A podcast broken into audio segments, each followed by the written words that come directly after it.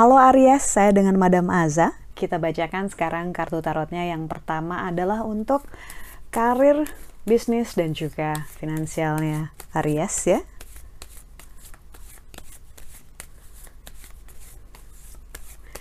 Kartu yang diberikan adalah kartu The Hermit. Seorang pertapa mengingatkan jangan sampai keputusan di masa sekarang yang mempengaruhi masa depan dipengaruhi oleh kejadian yang buruk di masa lalu. Wajar kalau kejadian tidak menyenangkan di masa lalu membuat kita merasa harus lebih berhati-hati dan juga waspada, tapi jangan sampai trauma ya. Karena situasi yang dulu dengan yang sekarang kan bisa jadi berbeda.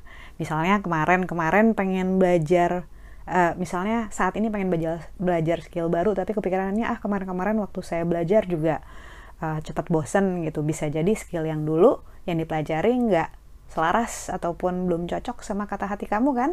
Sementara yang sekarang mau dipelajari bisa jadi adalah yang paling cocok buat kamu dan mungkin bisa menjadikan itu penghasilan baru nanti di masa depan gitu. Jadi istilahnya kartu The Hermit seorang pertapa membuat keputusan nggak gegabah, nggak terburu-buru dan nggak dipengaruhi oleh masa lalu ataupun pengalaman buruk di masa lalu karena yang namanya pengalaman mau baik mau buruk semuanya bisa jadi pelajaran yang bagus.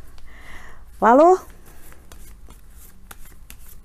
untuk percintaannya Aries, kartu yang diberikan adalah universe ataupun semesta. Ketika kartu semesta keluar, ini diingatkan bahwa segala sesuatu itu harus melewati proses yang sudah direncanakan. Dalam arti nggak ada yang bisa instan loh dalam relasi, dalam hubungan itu.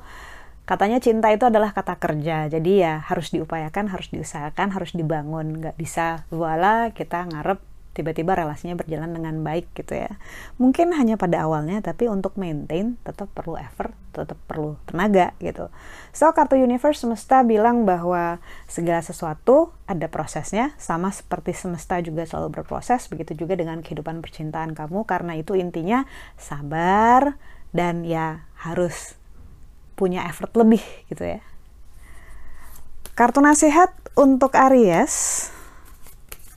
Nasihat untuk Aries yang keluar adalah The Devil ketika kartu The Devil keluar.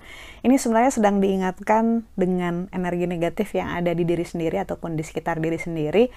Energi negatif ini jangan diasosiasikan dengan klinik ataupun gaib ya, tapi lebih kayak kadang kita ngelihat wah jangan-jangan uh, jangan-jangan gue kepengaruh nih sama lingkungan yang toksik gitu ya bisa jadi seperti itu tapi kadang-kadang kita juga sering tanda kutip toksik ataupun jahat ke diri sendiri gitu ya nggak bagus ke diri sendiri karena macam-macam gitu bisa jadi karena kita melihat begitu cara orang lain memperlakukan dirinya gitu bisa jadi itu adalah hal yang kita tangkap dari lingkungan kita, dari keluarga kita, dari circle pertemanan kita gitu ya.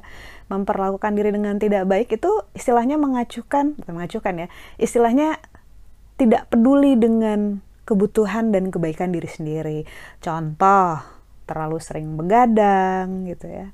Tidur pagi terus, kurang istirahat, kurang makan makanan yang sehat, sayur dan buah gitu ya kalau ada penyakit selalu ditunda-tunda untuk ke dokter gitu ya. So, uh, cobalah untuk memperlakukan dirimu dengan baik gitu ya. Karena kalau nggak selaras, nggak harmoni nanti badannya dan juga jiwanya berontak.